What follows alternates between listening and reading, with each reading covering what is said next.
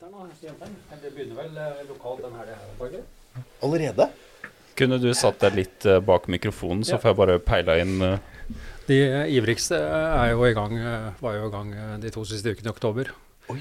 Men da er det liksom ja, Venabygdsfjell og eh, Rondane og Ja, sånne steder. Jeg tenkte hvor i all verden er det det har vært is i nærheten av Sandefjord i oktober? Men Nei, da, eh, det er ikke det. Er det ikke. Men eh, på fjellet, og så har det jo vært kaldt nå, så det har vært en del som har gått i um, Trøndelag og i Møre og sånn. ja.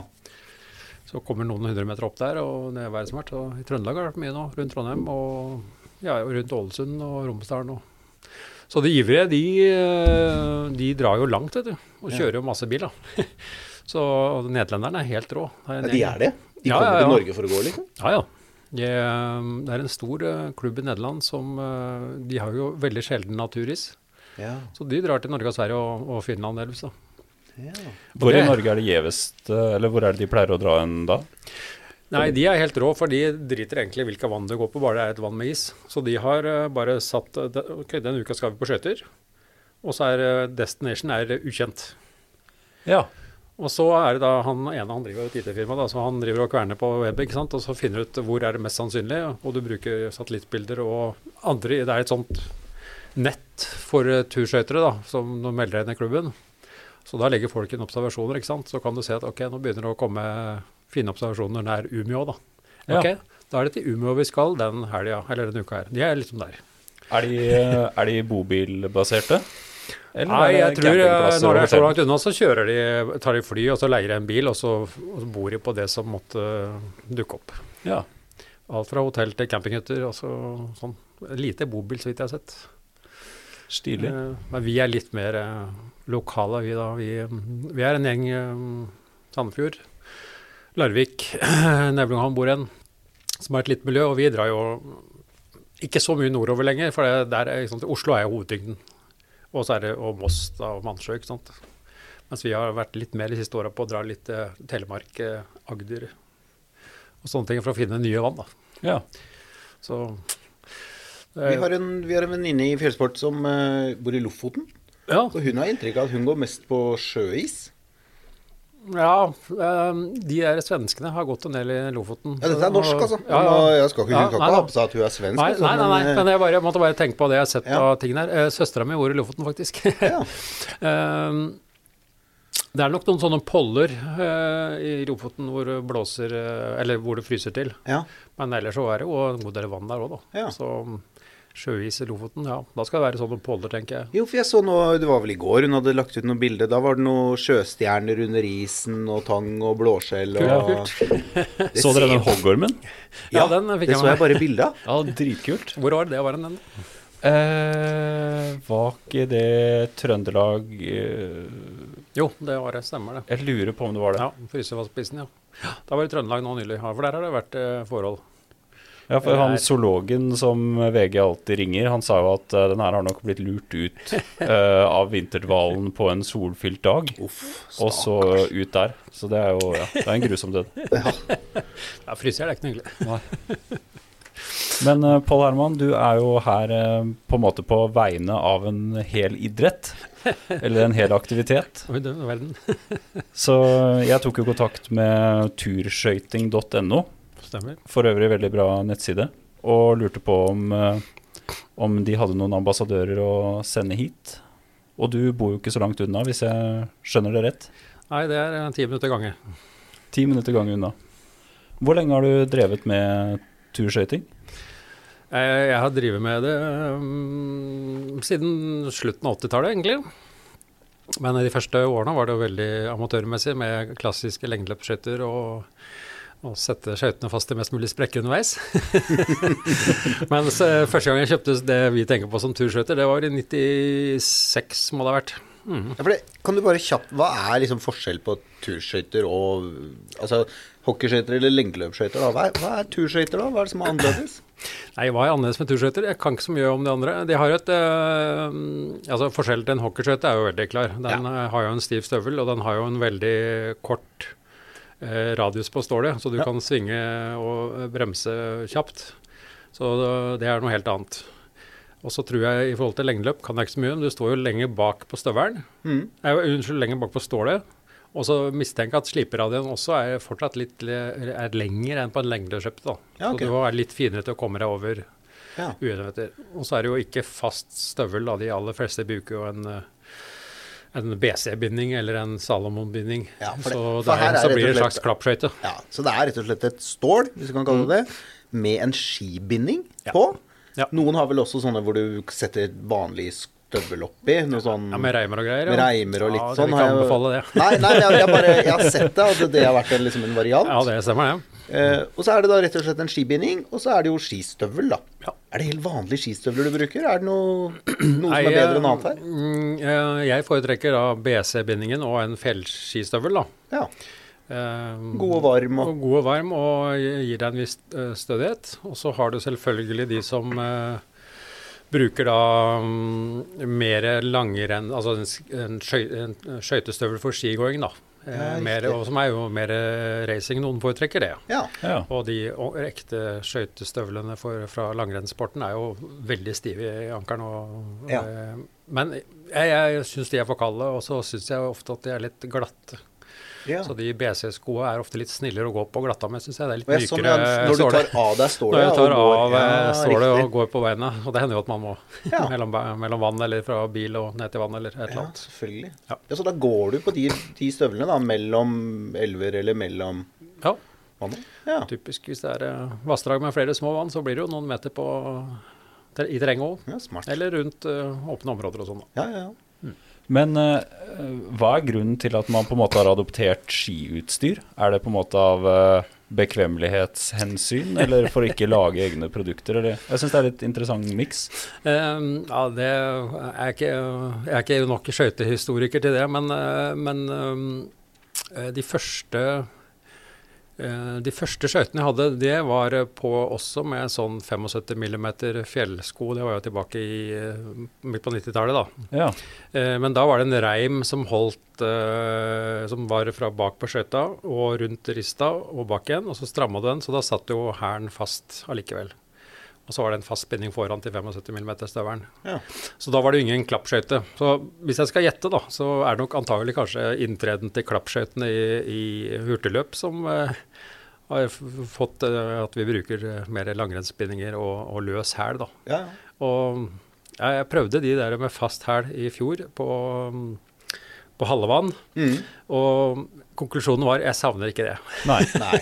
Eneste fordelen er klart hvis du kommer på is og det er en del snø og sørpe og sånt, så kan det jo en fast hæl være en god ting. Men ellers er det jo det å gå med løs hæl veldig deilig. Men det var en avsporing. Men sånn historisk sett tipper jeg det er klappskøytene i lengdeløpmiljøet som er eh, greia. Ja. Men avsporinger, det, det liker vi. Ja, det kan vi sette pris på. Det må bli et paradis. er det ikke det podkaster er til? Jo, jo, jo, jeg syns det. Um, jeg kan veldig lite om uh, turskøyting, og det er jeg ikke redd for å innrømme. Så jeg lurer litt på det basic utstyret du trenger for å komme i gang. Ja. Vi har jo snakka litt om skøytene nå, de er jo litt uh, Skøytene selvsagte. er, eh, det er litt sånn basic. um, nei, etter skøytene så vil jeg jo si at en sånn ordentlig eh, isstav, det er jo et must. Du har noen stående her, men altså det er en, ikke en langere stav, men en mye stivere stav med en pigg som gjør at du kan slå gjennom eh, is. Og den gir deg, gir deg jo veldig fort bilde da på liksom, hvor tykk er isen. Er den bærbar eller ikke bærbar? Ja, Du bruker den også for å sjekke det, ja? Ja, det er den du bruker. Ja. Eh, rett og slett. Um, og, og det neste er jo um, En ordentlig isstav, det er alfa og omega. Det Glemmer jeg dem en gang, så drar jeg helst hjem, altså.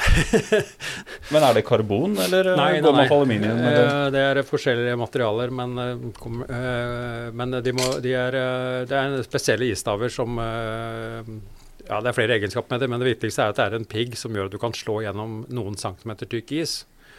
Og det gir deg jo eh, Slår du lett gjennom på et hugg, så veit du at ok, her bør jeg kanskje ikke gå lenger. Eller søke nærmere land, eller se meg om etter andre veier. Så eh, det er følehorna. Uten isstavene, da er det kjipt. Ja. Så det er for å finne den, den eh, og vurdere iskvalitet. Og så er det selvfølgelig å ha mm, ispigger.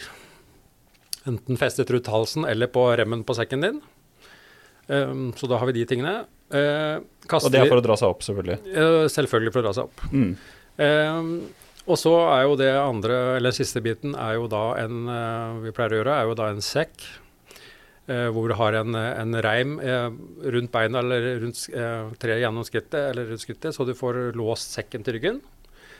Og i den sekken har du eh, pakke, vanntette pakkeposer med tøy og håndkle. Og mat og alt det andre du trenger. Og i den sekken har du også gjerne en kasteline. Så en kasteline til livredning, enten at du ligger i isen hvis du går detter uti, og kaster ø, den inn til de på land, eller motsatt at de på land kaster lenge, ø, kastelina til deg, og du hjelper deg å komme deg opp. Det der er liksom basic.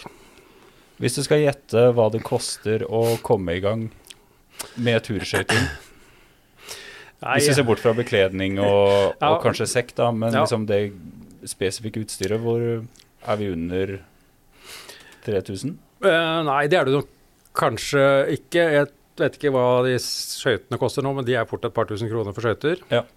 Uh, har du ikke en støvel, så må du jo naturligvis ha det òg.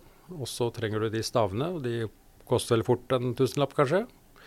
Og det andre sikkerhetsutstyret er jo ikke kjempedyrt. Så det er jo ikke en dyr aktivitet sånn sett, men det er klart. eh, Og har du vanlig friluftsutstyr med litt klær og sånt, så er du jo godt på vei.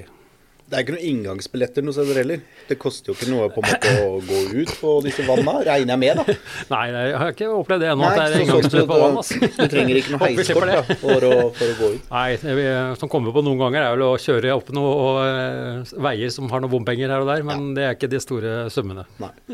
Men sånn det høres ut for meg, så, så tenker jeg jo um, at for mange så er det jo en Du spurte litt om prishindre. Jeg tenker sånn et enkelt innsteg her vil jo kanskje være mange som har et par gamle lengdeløpsskøyter eller et par gamle hockeyskøyter. Så går det jo an å starte med det.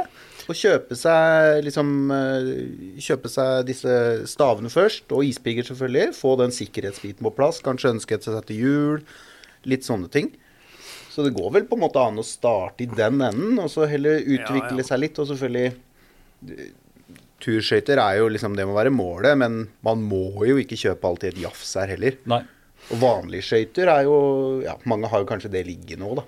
Ja da, og det går fint an å gå på vann med, med hockeyskøyter, og blir interessen stor nok, så selvfølgelig kjøper du deg ordentlige skøyter. Målet må jo bare være at folk går ut på skøyter. Ja, det sånn til å er- starte med. Få folk ut, og så Så sikkerheten er jo det viktigste, og det er jo da Der eh, har jeg selvfølgelig gått altfor mye aleine på skøyter eh, gjennom mange år, men eh, de siste åra har jeg vel heldigvis fått et lite miljø rundt her. Og ha med turkamerater. Det er en veldig bra greie. For det er en sport eller aktivitet i fremmarsj. Ja, absolutt. Eh, med minkende snø på ja, Særlig kanskje her på Østlandet, da. Så, eh, så har jo interessen økt veldig de siste åra. Jeg vil jo si det. Mhm. Du nevner jo det at du har fått et miljø, og at dere kan reise litt sammen for å oppleve nye vann, eller der var det best forhold. Mm. Det er stilig. Um, vi kom jo, eller Du nevnte jo det med sikkerhetsaspektet. Og det er vel kanskje det som holder igjen mange? Eh, sikkerhetsaspektet eh, holder nok igjen mange, og også kombinert med kunnskapsnivå. Altså, kunnskapsnivået om is er eh, forbløffende lavt noen ganger. El, og, og spesielt disse det, ja, På sosiale medier så blir det hundrevis av spørsmål om, eh, for ikke snakke om tusenvis, om eh, er det trygg is. Og da er jo mantraet liksom Det finnes ikke noe som heter trygg is, men det finnes trygge skøyteløpere. Uh, og til Det er mange grunner til at vi sier det, men, men sant, selv på uh, små vann uh, hvor du kan måle eller se i et bilkehull at det er 30 cm is, da, så vil det alltid kunne finnes områder hvor det, du kan gå gjennom. Altså Det lokale vannet rett her nede, Goksjø, har jo noen innløpshus og to innløpsos og ett utløpsos, og ved de så er det jo alltid åpen is. Eller nesten alltid. Men, eh, men isen på selve vannet kan jo være 30 cm tykk. Så er det spørsmålet da, er det trygg is eller ikke trygg is? Nei, glem det begrepet. Ja. Istykkelsen varierer, og det er poenget. Så det, du skal være trygg, og ikke i trygg is. Det har vi slutta med å si noe om. Men uh, går det an å spørre hvor tykk må isen være for å holde 100 kg? Eh, Det kommer an på iskvaliteten, egentlig. Eh, For er du på våren eh, og du har fått høy sol som begynner å Du får den typiske vårisen, så kan jo hva som helst briste, egentlig. Mens nå med nyfrossen stålis, så vil jo du ligge rundt fire ja, 4 cm, la oss si det, da. Men da skal du vite hva du driver med. Så 4 cm kan holde 100 kg? Det kan jeg, Men ja. uh, om jeg vil anbefale noen å gå på 4 cm Petri som er nybegynner, det er en annen sak. Ja, absolutt. absolutt. Ser du, Oskar, du har jo en ekstrem kunnskapsnivå på snøskred. Ser du noen paralleller til ja. vurderinger og Jeg tenkte litt på det du snakket om, og så tenkte jeg det gjelder vel ofte sikkert det samme som på ski. At uh, hvis det er noen andre som er der, så betyr ikke det nødvendigvis at det er trygt.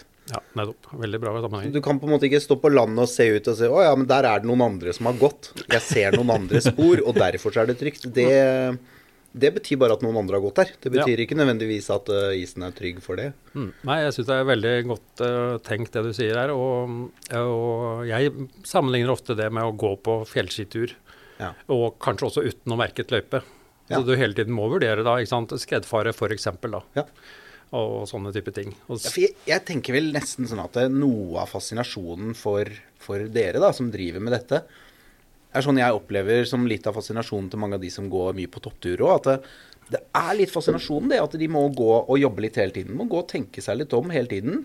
Selvfølgelig man lar hodet vandre, og man kan liksom skli innover de lange isdekte vidder og liksom sveve litt inn i det. Men, men allikevel at man hele tiden må gå og være obs på underlaget, være bevisst på turvennene sine på en måte, du, kan ikke, du må hele tiden være litt på jobb, og det må jo være litt av moroa òg, tenker jeg. At du hele tiden må føle og kjenne på isen da, under ja, føttene. Ja, absolutt. Det er du Eller jeg kan ikke snakke for alle andre, men selv så går jeg i hvert fall og gjør vurderinger hele tiden. ikke sant, Og mm. ser etter, uh, etter, tegn som forteller deg at uh, her er det greit, eller uh, her er det ikke greit. Mm. Du bruker isdamen til å slå for å høre på lyden. Du hører på lyden av skøytene dine. Ja. Du ser grenser i isen. ikke sant? Du har sikkert sett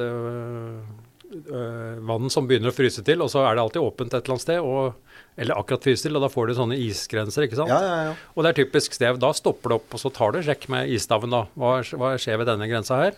Så du jobber sånn uh, mer eller mindre hele tiden. Og det gjør Jeg er enig med det du sier. Det, du må liksom være litt på. Ja. Samtidig som du slapper jo av i huet og Ja, ja, ja. Du Men det er veldig sånn du, du, bruker sansene, da. Ja. Uh, absolutt. Kom litt i ett med naturen, som noen i NRK sikkert ville kalt det. Ja. ja. Men um, har du gått gjennom? Jeg har gått gjennom, ja. Mm. Kan du fortelle om det? Um, nei. Nei. nei da. Det var jeg gikk gjennom eh, Vi kan ta den siste. Uh, det var på Farris i fjor. Og da var vi en ganske uvant stor gjeng, for da var vi sju-åtte stykker som gikk sammen. Vi kom til en råk. Og i den råken så var det fryst fast et tilsynelatende fryst fast et flak, så jeg fant ut at i stedet for å skulle gå de 30 meterne rundt den råken, så skulle jeg gå rett over. Men den tingen var ikke fryst fast, da. den uh, vippa jo da med mine 100 kg på. Ja. Så da havna jeg ute i vannet. Um, da var det godt selskap. Fikk en uh, kasseline og kom opp. Og vi hadde et svaberg rett ved siden av, så var inn på land og skifte, da. Ja. I riktig rekkefølge. Ja. Men det var, det var, litt kaldt, men eh, det var en uh, veldig bra opplevelse å se at ting funka. Ja. Så jeg hadde vel også uh, glemt noe utstyr til skiftet, men det hadde jo noen av turkompisene med da. Så det gikk fint. Du nevnte jo litt det her i stad med at du hadde gått uh, aleine. Ja. Er det noe som blir vurdert som litt dårlig stil, eller? Ja, øh, hva skal jeg si. Jo, det er jo det. Uh, så gjør jo antagelig uh, veldig mange, uh, særlig sånne gubber som meg, vil jo antagelig på et eller annet tidspunkt gå aleine. Men det er jo ikke, hvis du leser svenske statistikker, så er jo det når det går gærent på isen, så er det jo ofte ensomme, halvgamle og eldre menn. og det gjelder jo veldig mange andre aktiviteter òg. så å gå alene er dårlig stil, men jeg skal jo innrømme at når jeg har gått eh, ti ganger i, i, løpet av en vinter på den lokale sjøen, som jeg kjenner veldig godt, så hender det at jeg tar en kveldstur alene. Mer som en, det blir mer som en tur i lysløypa. Ja. Eh, men uh, jeg vil jo si at å gå sammen med noen er absolutt det beste. Og vi misjonerer jo egentlig det, å ha turfølge. Og helst mer enn én, egentlig. Absolutt. Jeg bare lurer på, jeg har noen spørsmål. Uh, jeg heller kan ikke så veldig mye om dette her. Men sjøis eller, eh, eller ferskvann? Er det noe sånn bare det ene, eller, eller er alt like bra? Du nevnte Sverige, og der ser jeg jo de utafor Stockholm går mye sånn Ja. mellom øyer og Nei, jeg, jeg har ikke veldig mye erfaring fra sjøis sjøl, ute, utover det ved Sandvika, da. Ja. eh, Bærum. Um, Ja, For der er det jo helt enormt. Der har jeg jo sett Ja. noen bilder. Der er det jo virkelig Ja, det er mye folkefest. mennesker. Det er det er folkefest. folkefest etter hvert. Um, det er forskjell på sjøis og ferskvannsis. Og hvor mer salt det er i sjøisen, hvor større blir forskjellen. Det er vel Ja, det viktigste. riktig. Så sjøisen er uh, mykere. Ja. Uh, på en måte, altså ikke sant, kan jo være helt sånn betong. Uh, sjøisen blir mykere. Og, Ja, litt mer porøs. Ja, ja, kanskje ikke porøs, men det er mer sånn s- Oh, ja, ok. Er det dårligere glid, da? Ja, det vil jeg ikke si, men, eh, men den oppfører seg litt annerledes. Der eh, du må legge inn mer marginer kanskje enn det du ville gjort på en ferskvannsis, da. Ja. Rett og slett. Så, men jeg har ikke selv veldig mye erfaring med sjøis. Jeg skal være den første til å innrømme det. Vi håper vi får gjort noe med det, det, at det blir en kald vinter og vi kan komme oss ned i Kragerø-skjærgården. Ja. Hadde vært kult. Ja, det var ok Nei, så er det vel, Grunnen til at jeg nevner Sverige, er jo også at på øst, østkysten der så er det vel vesentlig mindre salt sjø. Absolutt, Eh, uten at jeg kan masse om det, da. Så er det vel mer Det fryser vel mer til inni vika der enn det det gjør eh, Ja, på kalde vintre så er det vel eh, sammenheng- sammenhengende is fra Stockholm til uh, Ja, ikke sant. Uh, Norrbotten. Ja. Mer eller mindre. Ja, selvsagt mindre, men det er, det er mindre ferskvann, det er mindre salt der enn i Skagerrak f.eks. Ja. Absolutt. Men jeg så noe på turskøyting.no om sånne der vinballonger. Ja. Ja. Den, den må du forklare. ja, den, den Dette har ikke jeg sett, så nå er jeg veldig Ja, spent hva i all verden det er dere prater om. Ja, nei, Vi pleier jo å ha med oss en vinballong, og så drikker vi den først, og så Nei da. nei, greia, det, har vi, det var bra du nevnte, for uh, vi snakket om den ryggsekken. Og den uh, reima gjennom uh, rundt skrittet eller rundt beina, som gjør at den henger, til, henger fast i det. Det er jo at det du pakker i sekken, skal jo gi deg oppdrift. Så går du gjennom isen, så skal eh, denne ryggsekken være din redningsvest som får deg opp i vannet, sånn at du får lettere for å kunne bruke piggene for å komme deg opp. da. Mm. Og det var der den der vinballongen kommer fra. Det var vel Rolf eh, som, eh, som hadde Rolf Utgård som hadde eh, på med den for noen år siden. At han tok da tomme sånne vinposer Mm. og blåste luft i de og la de i bånn av sekken, og så la de andre tingene oppå da, for å få da noen eh, liter med luft, og da litt bedre oppdrift da. så er der rett og slett kommer den vindballongen. vinballongen der. Armringer. Bare hadde de i bunnen av sekken Du tenkte egentlig at skøytemiljøet var verdens hyggeligste miljø? Det nå liksom med Ja, fest og skøytegåing med er hverandre. Men apropos det med hyggelig, jeg syns jo det er Det er få ting som ser så idyllisk ut enn bilder fra turskøyting. Ja. Jeg ser, og jeg lurer litt på Når dere setter av en typisk lørdag eller søndag til å gå på tur, hvordan er de dagene? Hva gjør dere? Ja, Det er jo ikke et svar på det, men, øh, men øh, i mange deler av turmiljøet er jo det at man skal på land og det skal lages bål, er jo øh, absolutt en, en greie.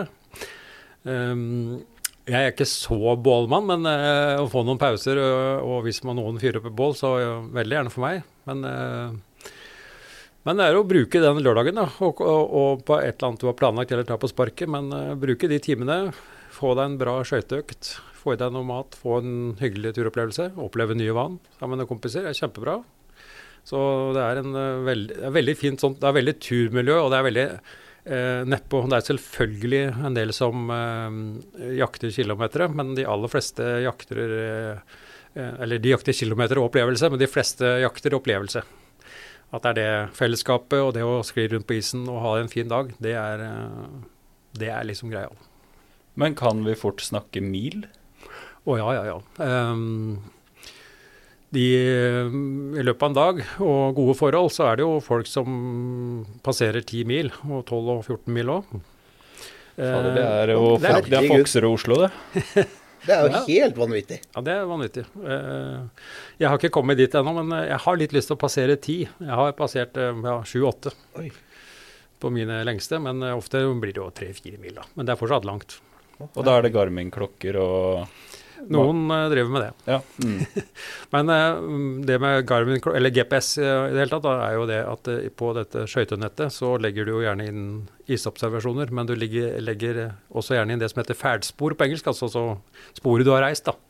Så det kan du rapportere. Du lager turrapporter, og da beskriver det du har um, gjort. Eh, kobler til de isobservasjonene du har gjort, og du kan legge da inn spor du har gått. Og det kan være en kjempegreie for eh, de som skal eh, komme etter deg. Men tilbake til det du sa, at eh, du har sett et skispor betyr jo ikke at det er trygt når du er der. Men de feilsporene kan være fine på enkelte ting, da. For det vil jo ofte vise Altså Ofte så går man jo langs land, og kommer det et utløpshus eller et eller annet, så forventer man jo at her er det, her er det ikke bare, bare is. Og hvis du da ser feilsporet ved dagen før, at de har faktisk svingt 90 grader her og gått 200 meter eh, en annen retning, for å runde den, så er jo det et bra indikator, ikke sant. Ja. Og så er det en god inspirasjon da, for å se hva folk gjør. Ja, det er klart. En god turinspirasjon. Ja, kjempebra. Har du noen gang reist på bomtur? At du har kommet Det- fram, og så har forholdene skremt deg? liksom? Eh, nei, ja, bomtur er jo en del av eh, gamet. Eh, nå har vi jo eh, satellittbilder og en del kilder og andre israpporter og webkamera men det blir bomturer. Eh, I hvert fall hvis du har lyst til å prøve og forholdene kanskje er litt sånn halvukjent. Så jeg har vært på noen vann hvor det f.eks. har ligget to centimeter med sørpesnø oppå. Og da er det ikke så kult, kult å gå på skøyter, men det går jo an å gå på beina, da. Ja. Så det har blitt noen sånne. Er det, noe, er det noen sånne spesielle klassikere, lurer jeg på? Som er, er det liksom noe sånn, Nå er jo vi på Østlandet, da. Ja. Eh, så det er kanskje lettest å henvende seg til de her i nærheten. Er det noen sånne veldig klassiske vann eller elver eller steder som er liksom Eh, Som man bare må oppleve hvis man er ny i gamet her? Eh, det begynner å bli eh, noe. men Det er klart, eh, Svenskene som har drevet med dette her i over 100 år, de har jo en del klassikere. Og de har noen sånne eh, merker. altså Har du gått Beven rundt f.eks., som er et eh, ganske stort vann eh, litt innafor Stockholm, så får du et merke på jakka. Hvor langt er det, ja? Nei, eh, Det er sånn rundt ti mil, tror jeg. Okay. Helt sikker er jeg ikke. Men, Nei, men det er klart, eh, jeg er egentlig fra Oslo, da. Og det Ja. å gå Nordmarka på langs på skøyter, det var eh, min klassiker. Og det er jo en klassiker. ja. Hvor har du startet nå? Nå starter oppe på Hadeland på Ja. Mylla. Oh, Ja. Så herlig, ja. kommer deg gjennom marka. Men det er, eh, holdt jeg på å si et stygt ord, men det er, en- det, da blir det en del å gå. Ja. Ja. Ikke bare på skøyter, for å si det sånn. Ja, har du en tilsvarende travers i Østmarka ved Oslo. Mm. Eh, der er det fint å gå. Ta den på langs. Ja. Og så det store skøytevannet på Østlandet er jo egentlig Vannsjø. Østre og vestre Vannsjø ved Moss. ja, Ja. Så det tipper jeg også blir en klassiker, det også etter visse kriterier å gå rundt eh, Vannsjø. Da har du deg en voksen tur. Eh, Ja, jeg har vært på kanotur der. Det er Ja. svært, altså. det er stort vann. Det er uh, så mye kriker og kroker og Ja. Der har man uh, virkelig en rundtur. Der er det en bra rundtur. Men snø, det må vel være liksom skøyteløperens verste fiende?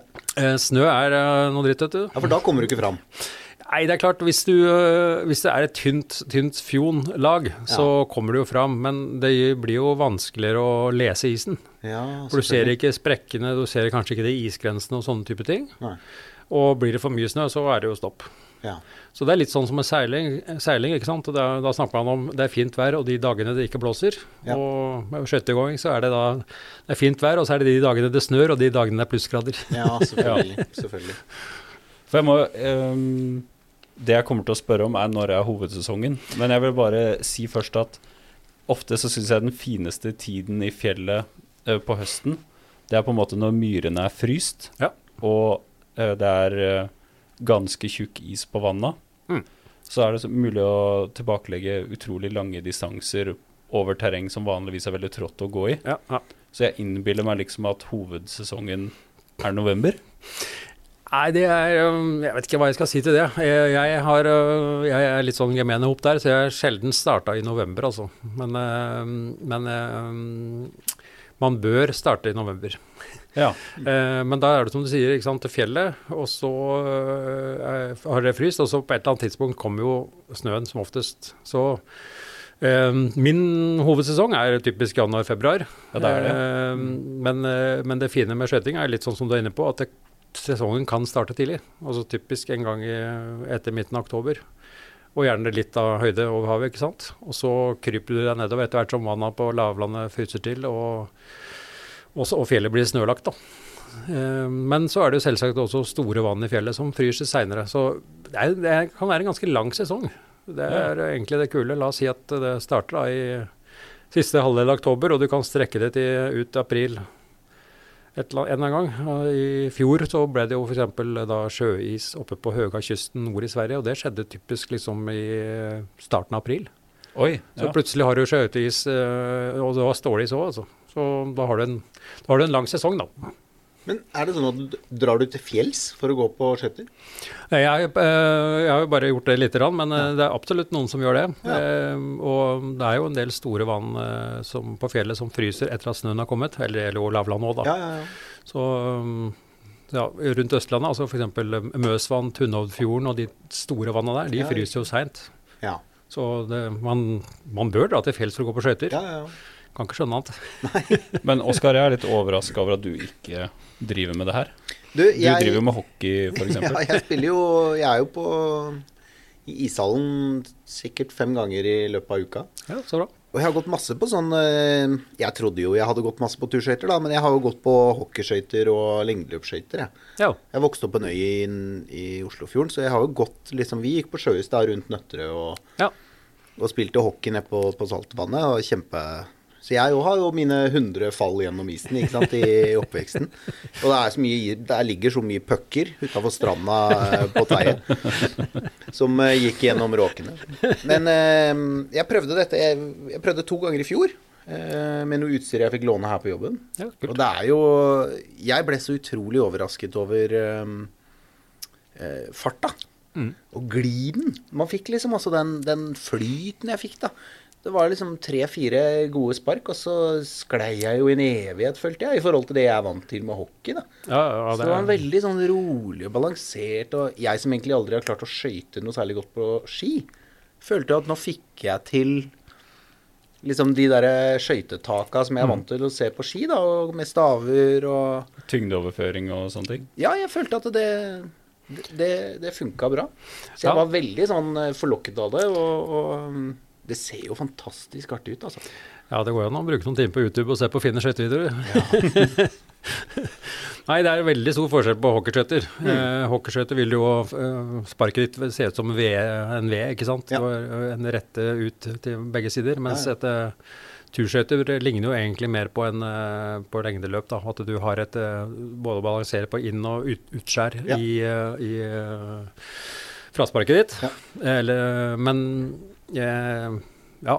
Er, du har antagelig en veldig god bakgrunn til å komme i gang. Eh, for eh, det er jo en god ting å jobbe litt med teknikk. Man trenger ikke å bli helt nazi, men, men Nei, jeg er ikke redd eh, for å tryne på isen, i hvert fall. Nei, nei, nei, nei det er jo en ting, men, men eh, det er jo noe med å ha litt teknikk, så syns jeg i hvert fall. Ikke at jeg skal skryte av min egen teknikk, Nei. men jeg, jeg har, har i hvert fall balanse og litt eh, teknikk, og får kanskje litt mer eh, opp, ut av turen på den måten, da. Ja, ja, ja. En, eh, mange vil jo bruke stavene veldig aktivt, f.eks., og kanskje ha litt mer den hockeyteknikken. Og Ja. da må du dra hockey og lengdeløp til Nei, hockey og kunstløpsskøyter til disse turskøytene er, det er eh, litt annen teknikk, da. Ja. Men er Hvordan litt- bremser du? Unnskyld. Hvordan bremser du? Nei, Det vil jo ligne veldig på det du gjør på en uh, hockeyskøyte. Litt avhengig av hvor eh, kritisk det er. Jeg skjønner. Um, Så en, en rolig oppbremsing, da er det skrens, eller er det at du putter den ene på tvers bak, sånn som nødbrems på rulleski? jeg eh, jeg, jeg liker ikke den der bak-greia, så jeg eh, gjør en skrens med den ene en fot foran. Mer som en plogsving, da. Å ja. Ja. Mm. Eller hvis du skal bråstoppe på langrennsski, ikke sant. Men uh, du har jo sett disse hurtigløpsskøyterne, når de skal nærme seg starttrekken, så gjør de en sånn uh, ja. rar sånn eh, Jeg vet ikke hvordan jeg skal beskrive det engang. Motsatt fiskebein. Ja, Ja, motsatt fiskebein. ja. Ja, det er et godt poeng. Mm. Det har så, så nøye er jeg ikke på skøytene, men jeg antar at det betyr at de skal spare den skarpe eggen mest mulig. Mm. Eh, jeg skrenser hvis jeg må. ja. Hvor ofte sliper du de skøytene? Nei, det eh, kommer jo vel an på hvor, eh, hvor mye det går, men det er en god greie å ha eh, skarpe skøyter. Ja. Så det vi, vi eh, noen av oss gjør, er at vi har, eh, har gjerne en eh, ordentlig oppslipping før sesongen i maskin. Mm. Og så gjør du vedlikeholdsslip eh, i egen rigg eh, gjennom sesongen, og så gjør du mm, ja. Ja. Men eh, klart, hvis du er uheldig og kommer til å treffe stein og sand og sånne type ting som kan skje, så må du jo slippe opp. Ja. Så Har jo vært borti det noen ganger at det kommer ut elver eller bekker i, eh, i et vann, ikke sant. Og så har det kanskje vært vekslende vær, og så på et tidspunkt har det kommet mye vann og lagt seg oppå den gamle isen og har med seg sand, ikke sant. Ja, det er klart. Så kommer Ja. du inn i den greiene her, så, så blir jo ikke skøytene veldig fine etterpå. Nei. Da må det slipes opp. Ja, ja. ja naturlig nok. Så Eller om du kjører eh, gjennom en hoggorm. Ja, Det det kan jo også skje nå. Det kan jo tydeligvis skje. Hvor stort det problemet er, det er jeg litt usikker på. Jeg, har- jeg, jeg har til gode å se hoggorm, men jeg har sett noen frosk. Ja. og, nå, og i eh, fisk, naturligvis. Men jeg lurer på, er det noen som kombinerer det her med overnatting ute? Oh, ja, ja, ja. Altså at de har med telt og sovepose og liggeunderlag på ryggen? Eller har man de pulk bak? Eh, De fleste jeg har sett som har gjort det der, har med pulk. Ja.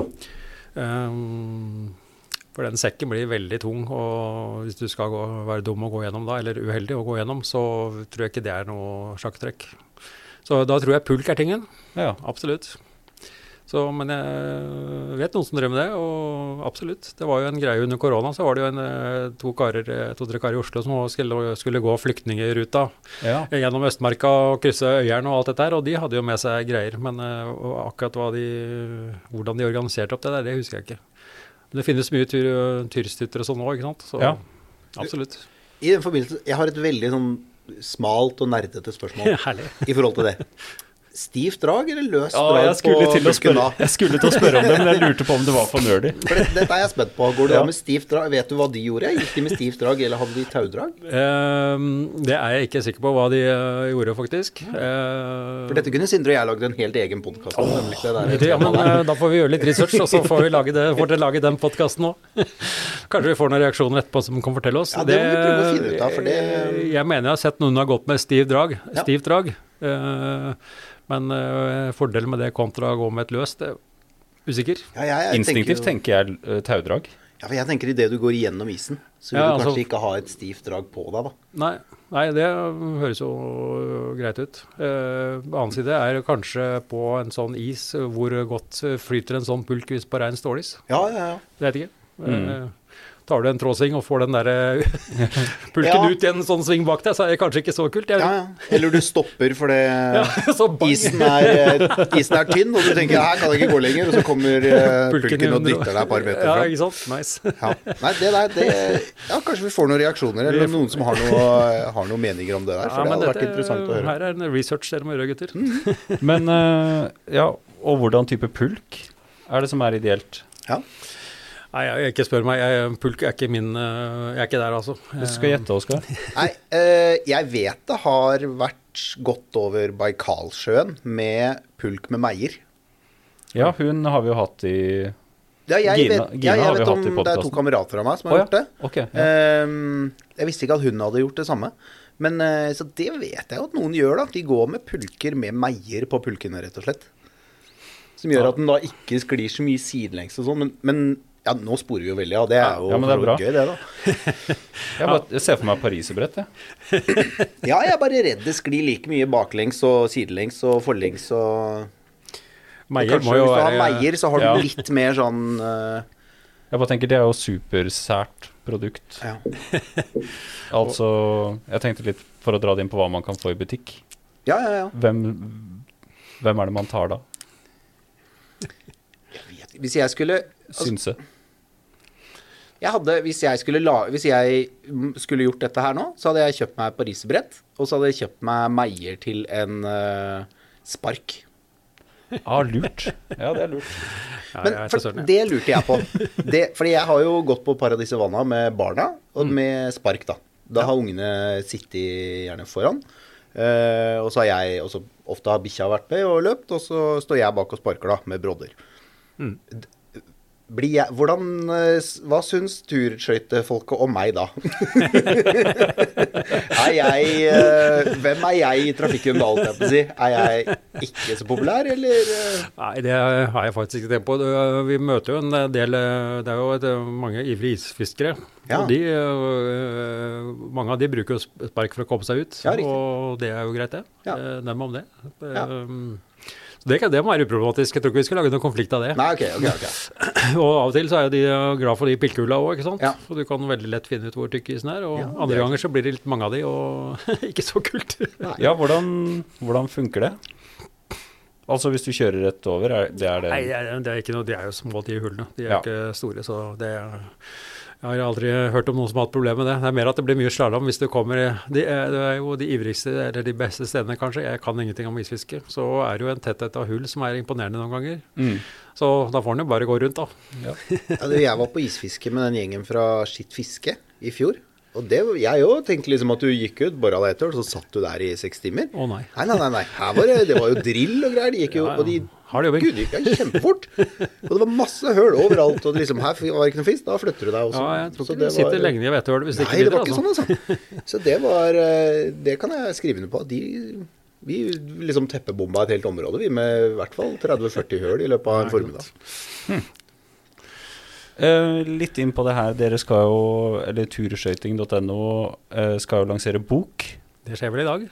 Skjer i dag? Ja, det er et uh, sleppfest i, i Oslo klokka seks i kveld. Oh, nå får du legge til lyden av noen sånne champagnekorker som eh, spretter eller noe. Ja. ja, men så stilig. Og jeg har skjønt at det, det er jo en bok som på en måte nesten er lagd litt på dugnad.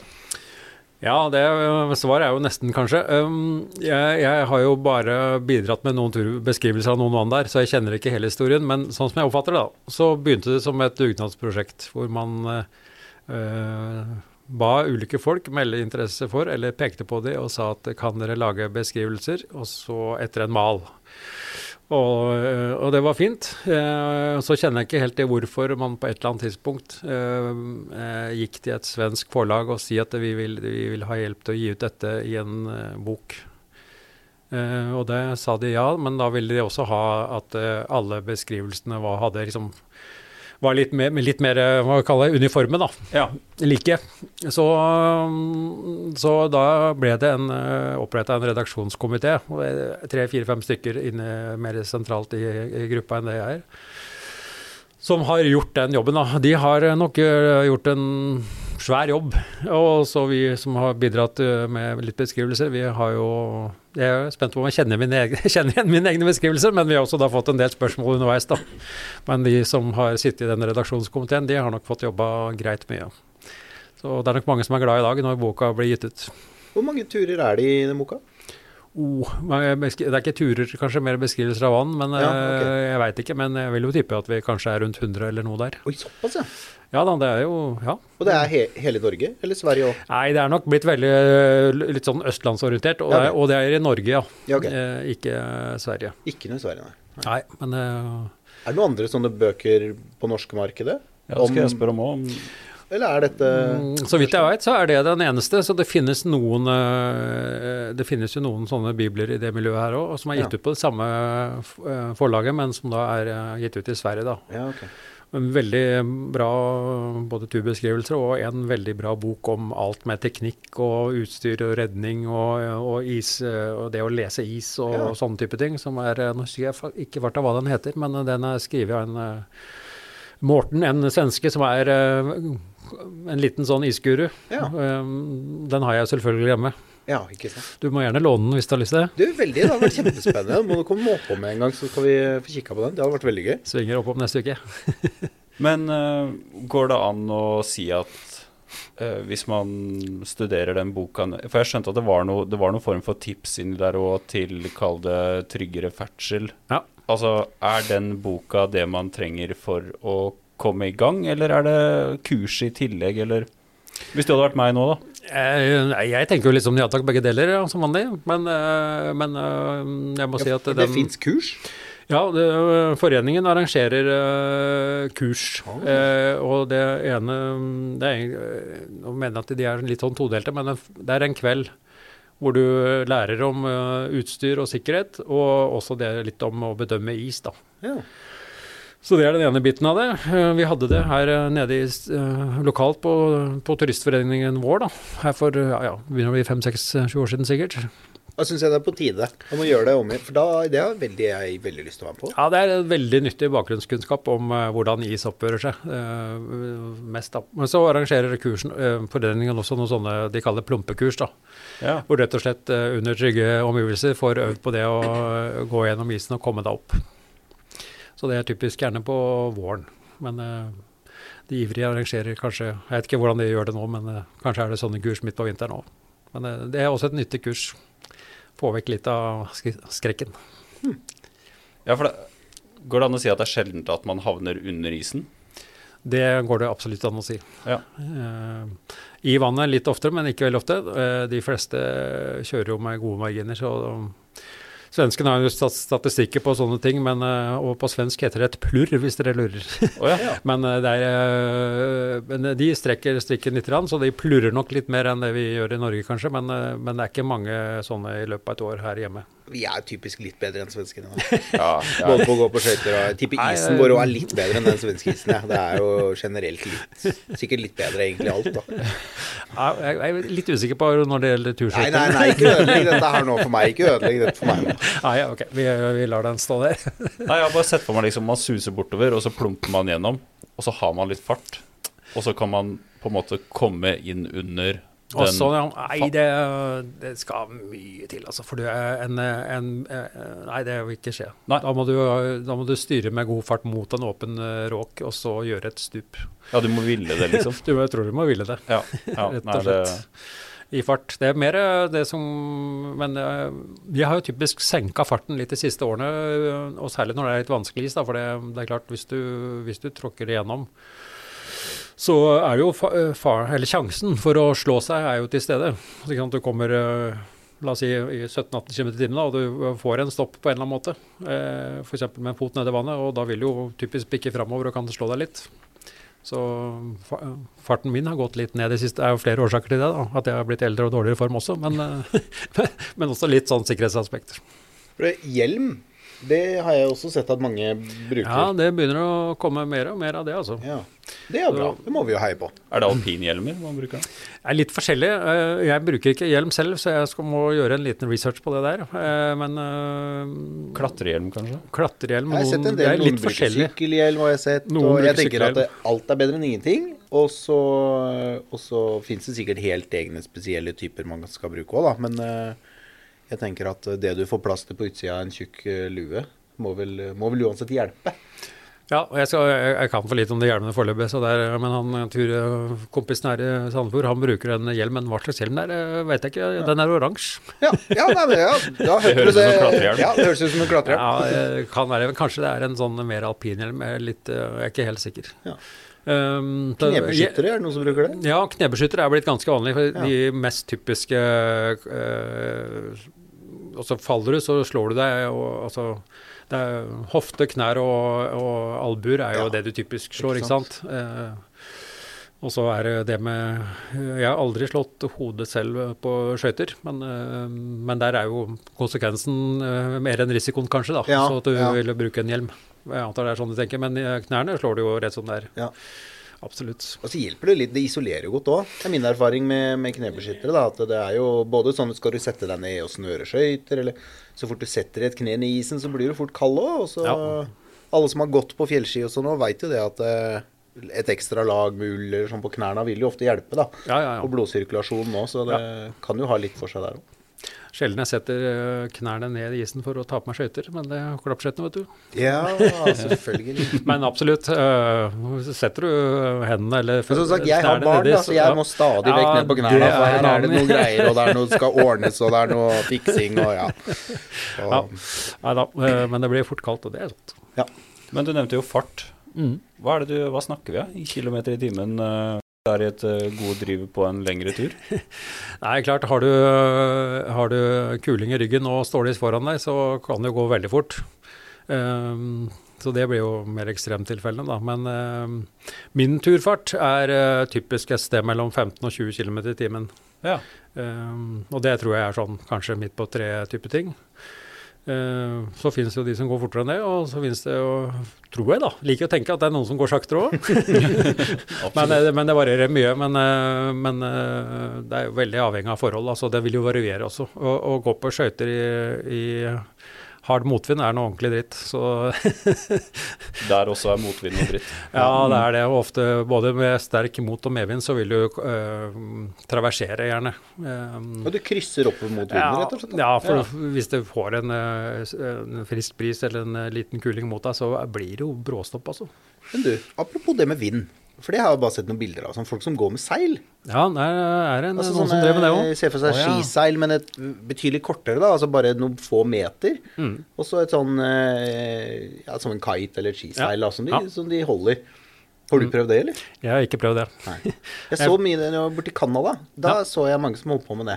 Det er noen eh, også på tur eh, i foreninga og på det skøytenettet som har registrert noen sånne med kite her nå i, eh, tidligere på høsten. Liker vi de, eller er det, er det Vi har ikke noe imot de? Det er greit, det. Nei, Ja, ja, det har vi ikke noe imot.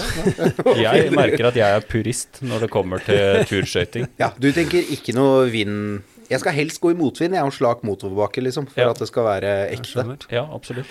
Det, jeg merker jeg er superpurist. Så du seile, der er jeg imot. Ja, seiling gjør du på sommeren. Det er uh... Ja, og det sparkgreiene, det gjør du på Røros. Ja, ja. men det er greit. Da gir jeg meg med den, og så Nå blir det turskøyter da, nå. Ja, da, nei, det skøytegreiene ser jo morsomt ut, men uh, ja. Det ville antagelig kunne gå ganske fort. Jeg har ikke prøvd. Nei, Det er liksom som en kano med motor. Altså, Ja, nei, kjøper det er, jeg, jeg, jeg, deg går- båt, nei, nei, nei, det får jeg grenser. ja, da du padle, så kjøper jeg båt. Det. Nei, men uh, Pål Herman, jeg er superfornøyd med gjennomgangen her, og jeg har lært veldig mye. Og det tror jeg faktisk Oskar har også, til tross for omfattende skøyteerfaring. Nei, men du, det, ja, dette var helt supert. Jeg ble bare enda mer gira på å få testa dette her, altså. Så bra. Da skal jeg komme opp med den uh, lille bibelen til uka, ja, så vi kan uh, få i gang litt islære og uh, litt om tøy og slik. Gjør det. Og vi har jo Goksjø like på nedsida av oss her, så det hadde vært kjempeartig å, å få til en tur med fjellsport i løpet av vinteren. Så må vi komme oss ned og få gått litt på skøyter. Kanskje vi kan kan leie deg som uh, guide? Jeg kan til og med at du slipper å leie, og at du bare kan invitere. Å, det, det, det er hyggelig, da. Det er hyggelig, da. Ja, Ja, ja. du, det må vi få til, for dette Ja. er det mange som hadde vært eh, kjempeinteressant. Og så hadde det vært veldig spennende selvfølgelig å, å fått seg et kurs. eh, med en plur. plurr. Og en plurr, ja, En plur, ja. Det, I hvert fall det tror jeg hadde vært kjempeinteressant for meg selv og veldig mange flere. Eh, det burde man jo gjøre uansett. Om man eh, Ja, øve på å få seg en eh, test på det kan være greit. Og jeg lærte litt av min flur at jeg måtte pakke om litt i sekken min og få litt mer oppdrift. For Ja. Jeg syns jeg havna litt, litt langt nedi. Ja, Men eh, så nyttig øvelse. Absolutt. veldig spennende. Ja, men bra. ja, fantastisk. Tusen takk for at du ville komme hit og prate på vegne av hele sporten. Ja, det var voldsomt, men eh, det var morsomt å være her. Så bra. Takk for nå. Takk for nå. Ja, nå hadde vi jo egentlig avslutta denne episoden, men så fløyt praten så bra etter at vi hadde skrudd av eh, rekk-knappen, så da valgte vi å skru den på igjen. Så her kommer en sånn liten ekstra del. Sorry. Det var én ting til jeg lurte på, og det var Er det noen form for konkurranser her? Hender det at dere liksom Er det noe sånn Vi snakker litt om løp, og så hender det at det er sånn 200 stykker som går sammen? Eller at det er noen konkurranser? Eller er det bare sånn individuell type ut og pusle-sport? Nei, det, det finnes noen turløp på skøyter i Norge, det gjør det. Ja, det gjør det. Eh, oppi eh, ja, hva Jeg mener ikke sånn Birken med 25 000, nei, nei, nei, men sånn nei, nei, det er mye, mye mye mindre enn det. Ja, ja. Men, men, men det finnes noen turløp, og svenskene har et sånn eh, fra Uddevalla til Stockholm, eller hva det er. Eh, Ja. Men det finnes noen turløp på skøyter, men det treffer liksom kanskje mer det miljøet Det finnes noen små miljøer i Norge som driver og trener lengdeløp. ja. Ikke sant? På Valle Hovin f.eks. så er det noen eh, sånne samlinger Ja, en gang i ja, ja, uka eller et eller annet med, med, med en 10 000 meter, eller hva det gjør. Og det finnes jo treningsmiljøer, og de turløpa treffer nok kanskje de mer enn det treffer turskøytemiljøet. Ja. Men jeg vet at enkelte av turskøyterne er med på disse turløpene. Ja, ja, ja. Absolutt. Så ja, for det må jo være en sosial greie, det òg, tenker jeg. det Og liksom, sikkert ta seg en langhelg i Stockholm, og det er jo aldri å forakte, det. Nei. Så kan Ole på skøyter i tillegg. det Eller, være eller i Odalen. Ja, ikke sant. For all del. For all del. Nei, det er, det- jeg husker ikke hvor det er i farta, men det er vel Setskog eller eh, Rømskog eller Odalen eller et eller annet. Borti der er det noen sånne løp, da. Og de, der kommer det både de som er mer skøytemosjonister, og folk fra turmiljøet, da. Hvordan er Femunden?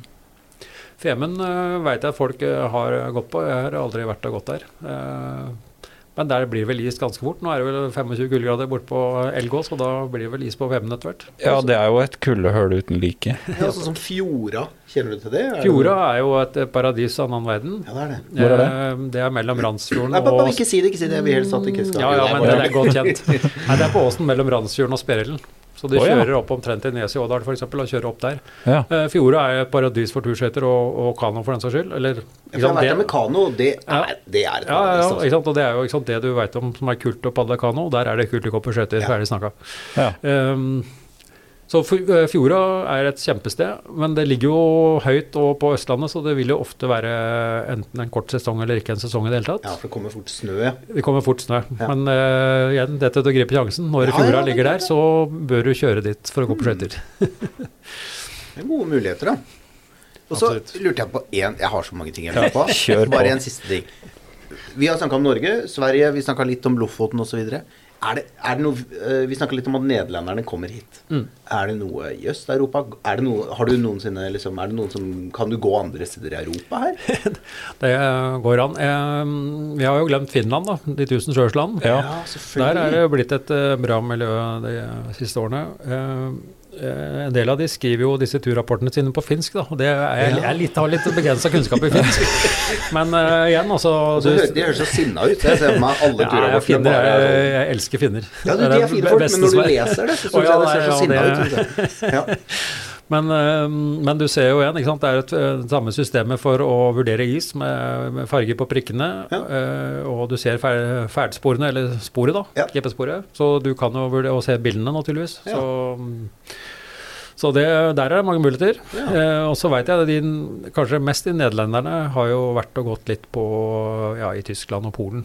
Ja. Eh, og også noen sjøer sjøer nordpå Om jeg tenker meg om Jylland, da, er det vel noen som har gått. Ja. Så, men det er klart, lenger sør, eh, sjeldnere muligheter. Ja, ja, ja, ja, for all del. Men jeg tenker sånn altså Øst-Europa, eh, Ja, ja. Latvia og sånn, det er jo, blir jo Ja, ja, der er også inni der òg. Der har det vært noen, helt sikkert. Mye elv og, og vann og sånn, så det er jo sikkert muligheter eh, rundt omkring der også. Absolutt. Det var også noen svensker som dro på tur til Ja, de har jo også vært på den Baikal som du snakket om, men eh, det kuleste var jo kanskje den, eh, de som dro til Japan. Ja. Oi. Nord på Japan er også kaldt. for Det eneste jeg forbinder med Japan, det er jo bunnløs pudder og masse masse snø. Ja, ja, Men det, ja. det finnes jo is der òg, ja. Det fins is òg. De er jo rå på lengdeløpsskøyter, da, så de, det er klart, Ja. eh, de må jo lære seg å gå på skøyter tidlig der borte. Kult. Nei, men bra. Da tror jeg vi Da tror jeg vi avslutter. Jeg prøver å bli ferdig en gang til. Ja, Til neste gang, i hvert fall. ja til neste gang. Ja, vi kommer tilbake.